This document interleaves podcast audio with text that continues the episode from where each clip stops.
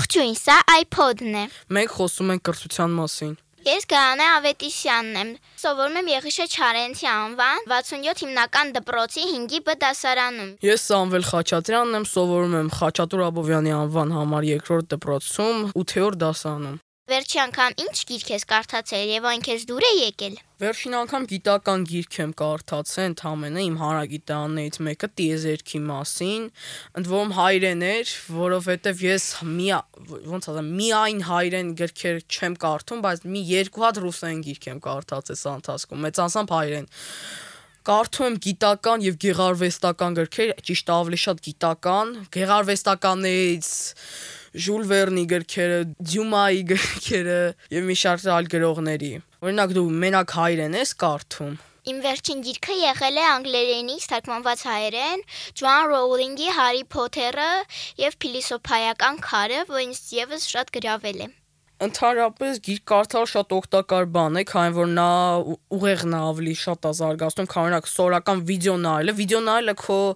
աչքերի հետ կապված ուղեղի մասն է զարգացնում, իսկ գիրք կարդալը ամբողջ ուղեղն է զարգացնում, աշկերից սկսած, աշկերից վերջացրած տրամաբանությամբ եւ ուրիշ բաներով։ Առանց գիրք կարդալու մարդը լինում է շատ սահմանափակ եւ տգետ է լինում։ Սամվել, ինձ թվում է դու շատ ճիշտ ես ասում, քանի որ իմ կարծիքով եւս,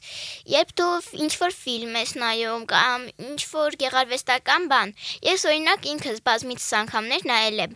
Հարի Փոթերը եւ Փիլիսոփայական քարը, բայց իմ մեջ չէր տպավորվել, բայց ինձ ես վերջացրեցի եւ առաջին գիշերը կարդալ Հարի Փոթերը եւ Փիլիսոփայական քարը, կարծես ես իմ երազի մեջ է տեսա Հարի Փոթերին մի փոքր Եվ իմ մեջ կարծես շատ է տպավորվել, որ մինչև հիմա էլ հիշում եմ եւ իմ ամենասիրելի գրքերից մեկն է դարձել։ Գայան է, բա դու ես ամիս ինչ ինչ նոր հմտություններ ես ձեռք բերել։ Դե դժվար թե 1 ամսում, բայց մոտավորապես այս մի 6 ամսվա ընթացքում ես գնացել եմ քանդակի եւ սովորում եմ արդեն քանդակ Ինչպես նաև օրիգամի, որը ժամանակ գնում էի, բայց հիմա չեմ գնում, բայց ելի կարողանում եմ։ Դպրոցում էլ ենք անցնում օրիգամի դասընթացներ, վերջերս էլ պատրաստել ենք կռունկ, նաև ստեղծագործում եմ ստեղծագործելը շատ վաղ եմ սկսել 5 տարեկանից։ Դու ինչ հմտություն ես սովորել վերջին ամսվա կամ 6 ամսվա ընթացքում։ Վերջին 6 ամսվա ընթացքում ես մեծ անսած զբաղվում եմ մաթեմատիկայով, ծրագրավորումով, ռոբոտաշինությունով եւ զբաղվում ընդհանրապես գրաֆիկ դիզայնով, շարժական դիզայնով, 3D մոդելավորումով, ծրագրավորումը ես սովորում եմ C++ լեզուն, որով ես մասնակցում եմ օլիմպիադաների։ Ամենասրանից ամենամոտ օլիմպիադան, որ հիմա պետք է լինի, դա մարզային փուլն է։ Ծրագրան, որ պետք է լինի հունվարի 25-ին։ Նրանց ուտի մասնակցեմ, որ անցնեմ հանրապետական փուլ։ Այ այդքան շատ տարբեր բաներով ես հետաքրքրված, Սամվել ինչ կուզեիր դառնալ, երբ մեծանաս։ Իսկ քո կարծիքով կան արդյոք տղա եւ աղջկա մասնագիտություններ։ Ես կուզենայի ասել, որ տղա եւ աղջկա մասնագիտություններ գոյություն չունեն, քանի որ եթե տղան ուզում է դառնալ ուրիշ ինչ-որ բան, աղջիկ ուզում է դառնալ ինչ-որ ուրիշ բան, ինքը կարա դառնա։ Իսկ ես ուզում եմ դառնամ ծրագրավորող, ինչպես ներկայիս Հայաստանի բնակչության տղաների մի կեսի չափը։ Իսկ ես կարծում եմ, որ կդառնամ հոկեբան եւ եթե երբ որ դառնամ հոկեբան արդեն լավ աշխատանք ունենամ, նաեւ ինձ թվում է կզբաղվեմ քաղաքականությամբ, քանի որ սիրում եմ միջազգային բաներ եւ կապ ունեմ քաղաքականության հետ։ Դու ո՞ր երկրի քաղաքականությամբ ես հետաքրքրված։ Ես հենց հետաքրքրված եմ մեր երկրի քաղաքականությամբ Եվ ուսումնասիրում եմ падգամավորներին, վարչապետներին, սովորում եմ նրանց անունները, ասեմ, որ մենք շատ հզոր պետություն ունենք։ Եթե դու դառնայ նախագահ կամ վարչապետ, ինչպես կհզորացնեիր Հայաստանը չի թողնի, որ մարդիկ գումարի դիմաց միմյանց վաճառեին, ինչպես ասում է հայկական խոսքի մեջ, ժողովրդական 30 արծաթով պետք չէ միմյանց ծախել եւ մարդիկ չվնասեին բնությունը, որի համար կտուգանվեին, թեկուզ աշխարհի ամենամեծ գումարի դիմաց մարդիկ իրանց մասին ճշնամուն գոներ անգամ մի փոքրիկ լուր չհայտնեին։ Կարճ ասած, ես կվերացնեի կաշառակերությունը։ Իսկ դու Սամվել, դու ինչ գաղափարներ ունես եւ ինչ կանեիր։ Ես արշին երթին կուզենայի ասել, երկրի հզորությունը որոշվում է նրա տնտեսական վիճակով, ներկայպայն ՀՆԱ-ով, համախառն ներքին արդյունքով, Հայաստանի հա, Հայաստանի Հանրապետության ներուժը այնքան մեծ է, որ Հայաստանի Հանրապետությունը ինքը իր ուժերով կարող է կարող է մի քանի տարում դառնա Դուբայ, ասենք Ես ինքս նմանատիպ մտքեր ունեմ կապիտալիստական, որ պետքա նման կերպով զարգացնել, գյուղատնտեսությունը զարգացնել, գյուղատնտեսության հետևանքով կզարգա նաև ինդուստրիալ արդյունաբերությունը, ինչի հետևանքով նաև կզարգանա մի շարք ուրիշ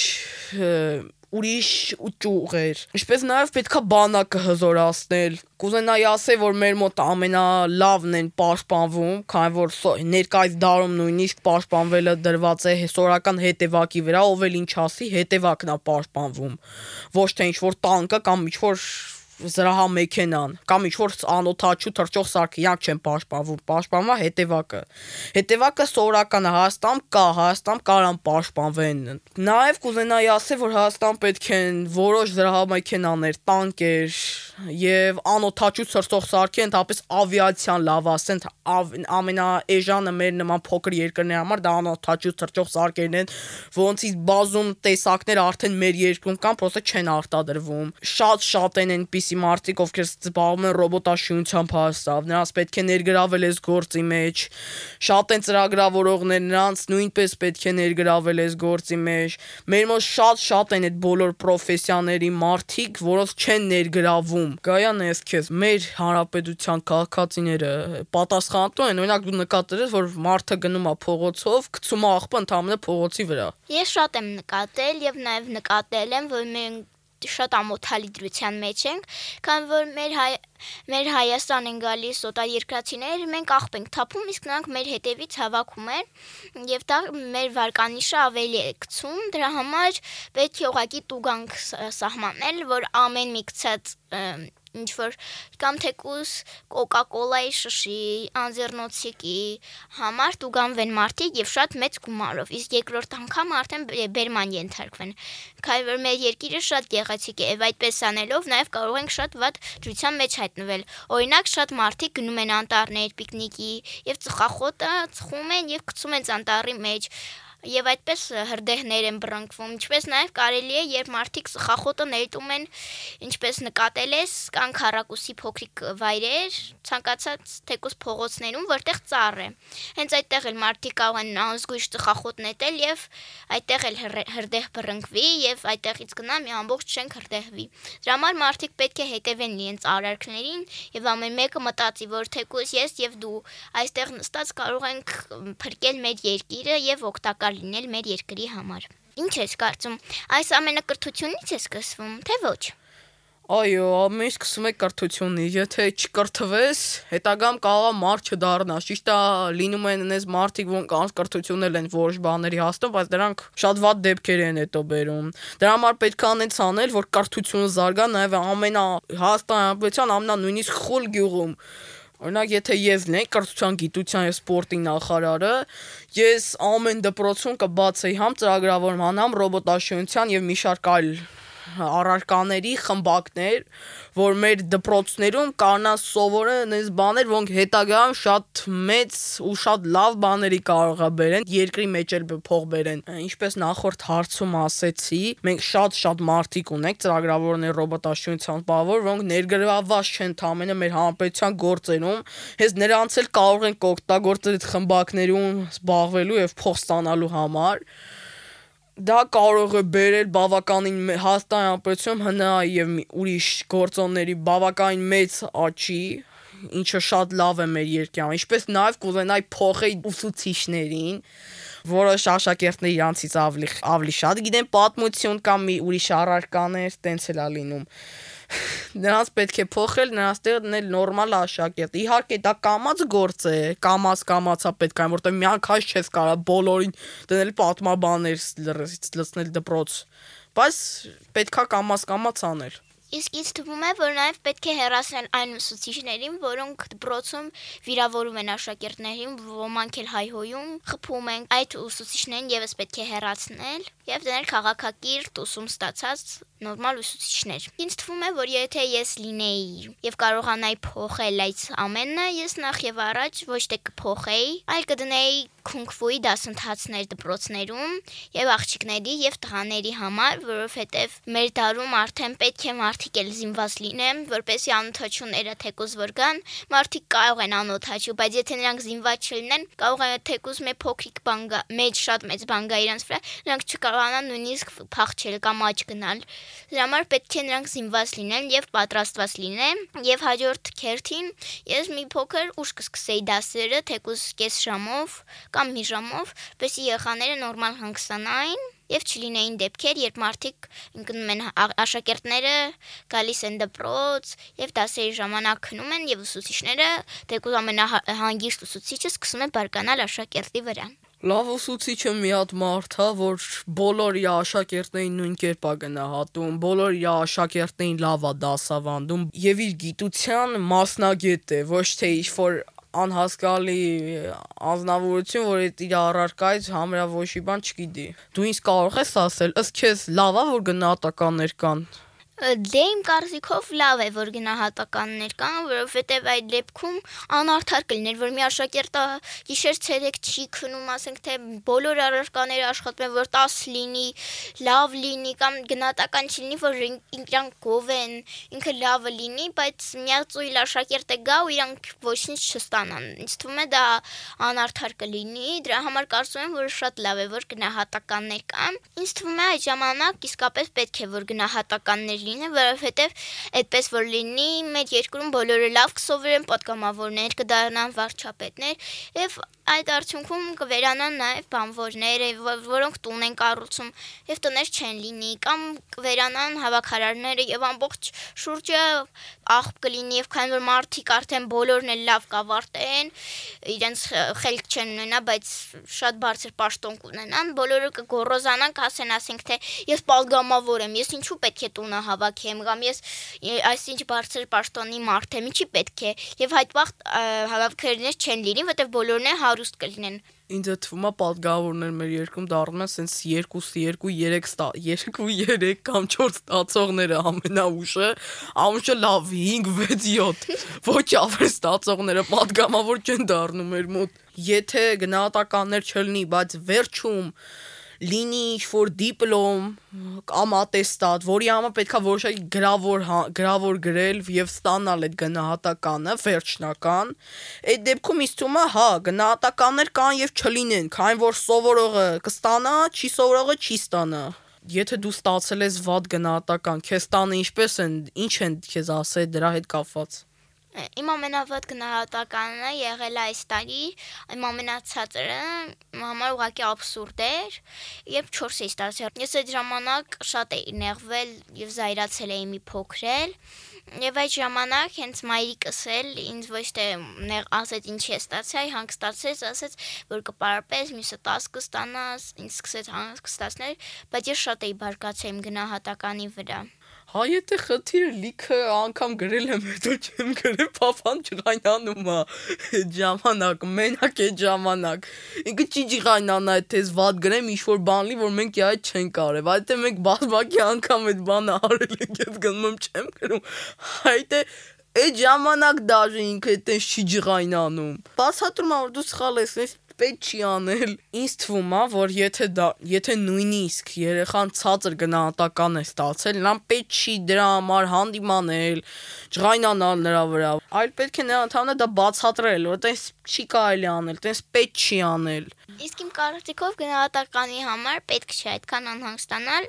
քանի որ մարդ կարող է դպրոցում շատ լավ սովորել 10-9 եւ ավելի բարձր 10+9+ եւ շատ բարձր, բայց ինստիտուտը տապալել եւ երկուսով փակել կիսամյակը եւ իմ կարծիքով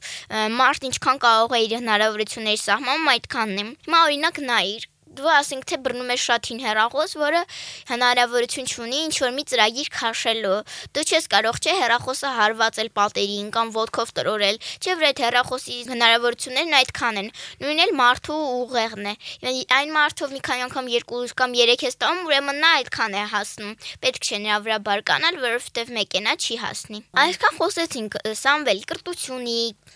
եւ այլ բաներից, հայրենիքից։ Իսկ քո կարծիքով ինչի համար է մեզ պետք ճանաչել հայրենիքը։ Ընդհանրապես հա, հայրենիքը պետք է ճանաչել, եթե դու քո մշակույթը, լեզուն, կրոնը չգիտես, դու արդեն հայ չես, էլի։ Այսինքն, ինչքան էլ դու գենետիկորեն միգուցե հայ ես, բայց դու քո լեզուն չգիտես, մշակույթը չգիտես, բա դու ինչ հայ ես էլ դրանից հետո, եթե քո մշակույթը քո կրոնն է միակ բանը, ինչ քեզ սաղ դարերով պահել է, քեզ տարել ես մութ դարերի միջով եւ մենք չենք եղել անկախ, եղել ենք ուրիշ տարբեր մահմեդական ազգերի լծի տակ, մահմեդական, զարահադաշտական եւ մի շարք այլ տիպի ազգերի ղեկավարության տակ ենք եղել։ Մենք այսքան դարեր չենք կործանվել, չենք կորչել, չենք է կորչելու։ Պետք է իմանալ քո լեզուն ու քո կրոնը, պետքա դավանել։ Գիտես, ինձ թվում է, որ այդ դասընթացների լավ այն է, որ մենք նաև պետք է դպրոցներում շատ ուրشادիր լինենք հայրենագիտությանը, մեր մայրենի լեզվին, որ պատմե լեզվի, հայրենագիտության, որ պատմում է հենց քո ասած հայրենիքի ամեն մի թեկուս փոքրիկ եւ ուրախ անկյունի մասին։ Դու ինչ ես ամ Հայաստան լավ ճանաչելու համար, կարդում ես, ճամփորդում գիրք, որովհետև հնդե գրված է ամբողջ Հայաստանի Հանրապետության հայկական լեռնաշխարհի աշխարհագրությունը, բնակավայրերը, լճերը, ռելիեֆը ընդհանրապես եւ բնակչության մասին էլ կա բավական շատ բաներ։ Ինչպես նաեւ շատ եմ սիրում պատմությունը, իմ հանրագիտարներից մի քանիսը պատմության մասին ընդհանրապես, առասպելները, ճամփորդելով էլ ակալի ճանաչել Հայաստանը, բայց միայն ճամփորդելով չի, սորական մարդը մենակ ճամփորդելով չի կարող ճանաչի Հայաստանը, քանի որ ինքը չգիտի ճամփորդես լավ, տեսավ ընդ ինչ որ եկեղեցիներ, բա ինքը ինչ գիտի, որ դա հենց հայկական է։ Ինքը չի կարա, ինքը չի կարա հին ինչ որ սեպագիր քարեր հանի, նայ կարթա էտի։ Ինքը դա պետքա դու դա պետքա գրքերով կաշ ճամփորդելով իմ, բայց դա կողքից նաև գրքերով, տարբեր հանրագիտանով եւ թեկուզ համակարգիչով պետքա դու ուսումնասիրես ոչ միայն նայելով ինչպես գիրք կարդալ էլի։ Ինձ թվում է դու ճիշտ ես ասում, որովհետև պետք է շատ գրքեր կարդալ, որից հետո մենք ճանապարհորդելով կարող ենք հանդիպել։ Օրինակ ինձ հետ էլ է պատահել։ Ես շատ եմ կարդացել մեր սեպագրերը, եւ մի անգամ երբ մենք ճանապարհորդում էինք, ինձ այդ նույն սեպագիրն էր հանդիպել, որ ես արդեն կարդացել էի, որը ինչ որ անհայտ լեզվով վեստակահայերեն թարգմանությունը կար։ Մենք խմբով էինք գնացել, ես եւ իմ ընկերները, եւ ես կարողացա այդ սեպագիրը կարդալ եւ բոլորն ապշել էին։ Նոր վերջում ես նրանց բացատրեցի, որ իրականում ես այդ սիպագրի հայերեն թարգմանությունը կարդացել եմ իմ հանրագիտարաններում։